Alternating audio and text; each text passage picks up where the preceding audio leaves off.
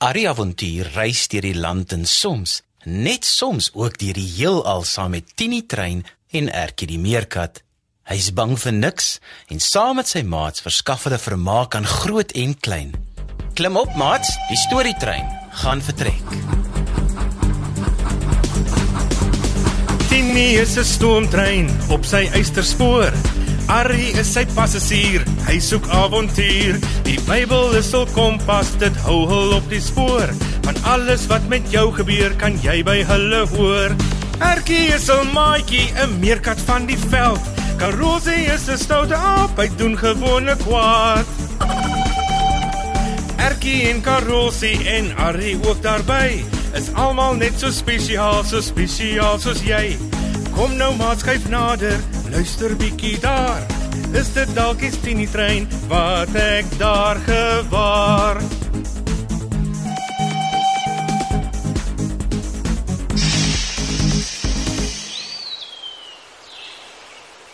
Karosie!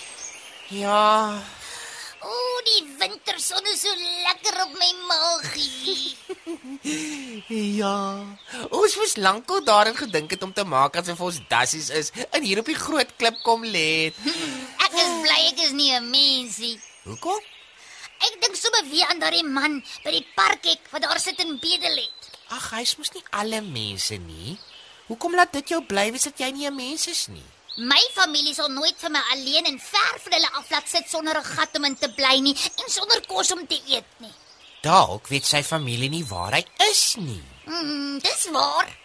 Maar niemand anders het hom gehelp nie. Ariel het hom gehelp. Ons het hom ook nie gehelp nie, want ons het nie geweet hoe nie.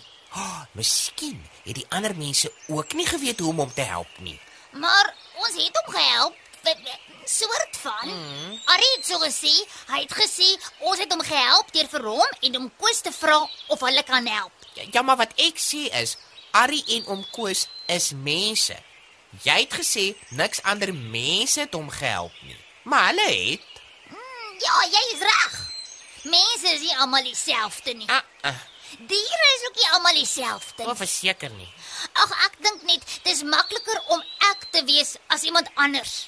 Want ek weet hoe om ek te wees. Hmm? En ek is bly dat ek 'n gat het om in te bly en genoeg goggas het om te eet en 'n baie groot familie het wat lief is vir my. En dat ek 'n maatjie het wat my kwaad maak, maar van wie ek baie hou.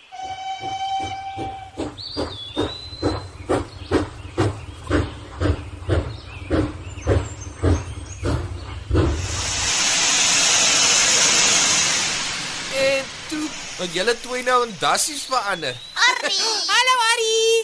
ons praat dan net van jou. Kon jy die man by die park help? Wat het met hom gebeur? nou julle. Ja, ons kon hom help. Sy naam is Stoffel en hy's terug by sy familie. Mm, nou maar hoekom was hy dan by die parkhek en nie by sy familie nie? Waar is sy familie? Stoffel het jare lank op 'n plaas in die omgewing gewerk. Die boer het 'n paar slegte jare agter die rug gehad en baie skuld.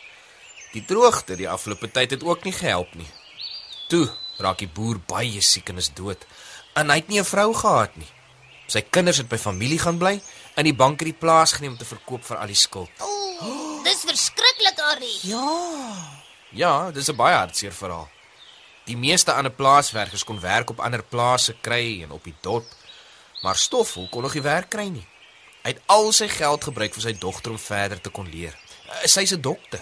Nou maar hoekom het sy hom nie kom help of hom kom haal nie? Sy het hom op die plaas kom soek toe sy gehoor het wat gebeur het, maar Stoffel was klaar weg. Oh, En daar was nie 'n manier om hom te kontak om uit te vind waar hy is nie. Hy het haar telefoonnommer verloor. Hy kon nie die nommer uit sy kop uit onthou nie. En Stoffel kan nie lees nie wat dinge ook maar moeilik maak vir 'n mens. nou maar hoe het jy haar gekry, Ari? Dit was seker Tini wat haar gekry het, né? Tini kon ons baie help, eh, maar dit was eintlik die nagskuiling waarin ons vir Stoffel geneem het wat ons gehelp het. 'n Nagskuiling. Hoe kan iets wat van takke gebou is om onder te slaap 'n mens help? Nee, erken nie so 'n nagskuiling nie. Ek bedoel die mense by die nagskuiling het ons gehelp. En 'n nagskuiling is 'n plek waar mense sonder huise kan slaap en vir hulle was en, en kos kry totdat hulle weer hulle eie blyplek het. O, oh, so jy het ons gehelp om die man te help en nou ander mense het julle gehelp om ons te help om die man vir Stoffel, die help Sjokas. Daar is mense wat mense wil help. ja, ertjie, mense gee om vir mekaar. Mense weet net nie altyd hoe om te help nie. Mens kan nie altyd met almal gaan gesels om uit te vind wat hulle probleme is nie. En baie van die probleme is moeiliker om op te los as Stoffel se. Eh, Waarom sou mense nog so stoffel bedel en nie 'n blyplek hê nie, Arrie? Party mense wat op straat woon is daar omdat hulle in die tronk was en nie weer hulle lewe op die regte pad kan kry nie. Uh, Sommige mense is verslaaf aan dwelms of drank.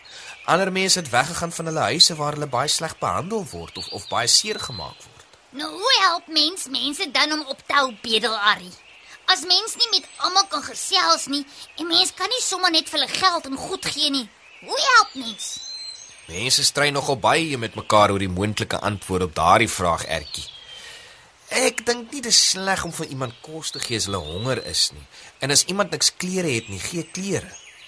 Jesus het gesê dat elkeen vir wie ons help, is so goed asof ons vir hom gehelp het. So dit is nie verkeerd om iets vir iemand te gee nie, maar wat van die volgende dag en die dag daarna en die res van die mens se lewe? As mens eenmaal vir iemand kos gegee het, moet jy dit elke dag doen. Anders help jy nie regtig nie. nee nee, maar uh, dis nie heeltemal wat ek bedoel nie, Ertjie. Uh, uh, wat ek bedoel is as iemand altyd moet vra en wag vir iemand om vir hom of haar kos te gee, sal daardie mens ons maar altyd moet aanhou bedel. En die kos wat hy of sy kry, hou hom of haar net aan die lewe om maar altyd die lewe van 'n bedelaar te hê.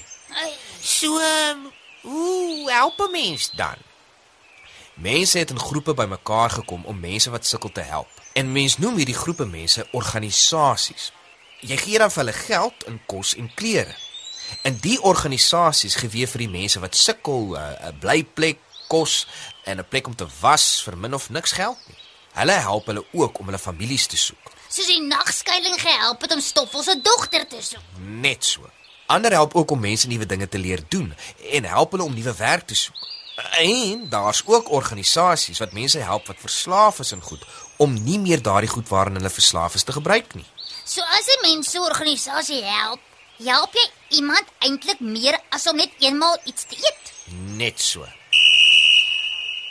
Almal aan boord. Nou toe. Soet wees julle twee. Ons sien julle weer een van die dae, né? Tini is 'n stoomtrein op sy eysterspoor. Arrie is sy passasier, hy soek avontuur. Die Bybel is hul kompas, dit hou hul op die spoor. Van alles wat met jou gebeur, kan jy by hulle hoor. Erkie is 'n maatjie, 'n meerkat van die veld. Karosie is 'n stoute aap, hy doen gewone kwaad. Erkie en Karosie en Arrie ook daarby. Is almal net so spesiaal, so spesiaal soos jy. Kom nou maar skuif nader, luister bietjie daar. Is dit dalk die Tini trein wat ek daar gewaar? Die avonture van Arrie en Erkie is geskryf deur Elsie Stander. Dit word opgevoer onder spelleiding van Lazelle de Bruin, tegnies versorg deur Neil Roo en vervaar deur Wordwise Media.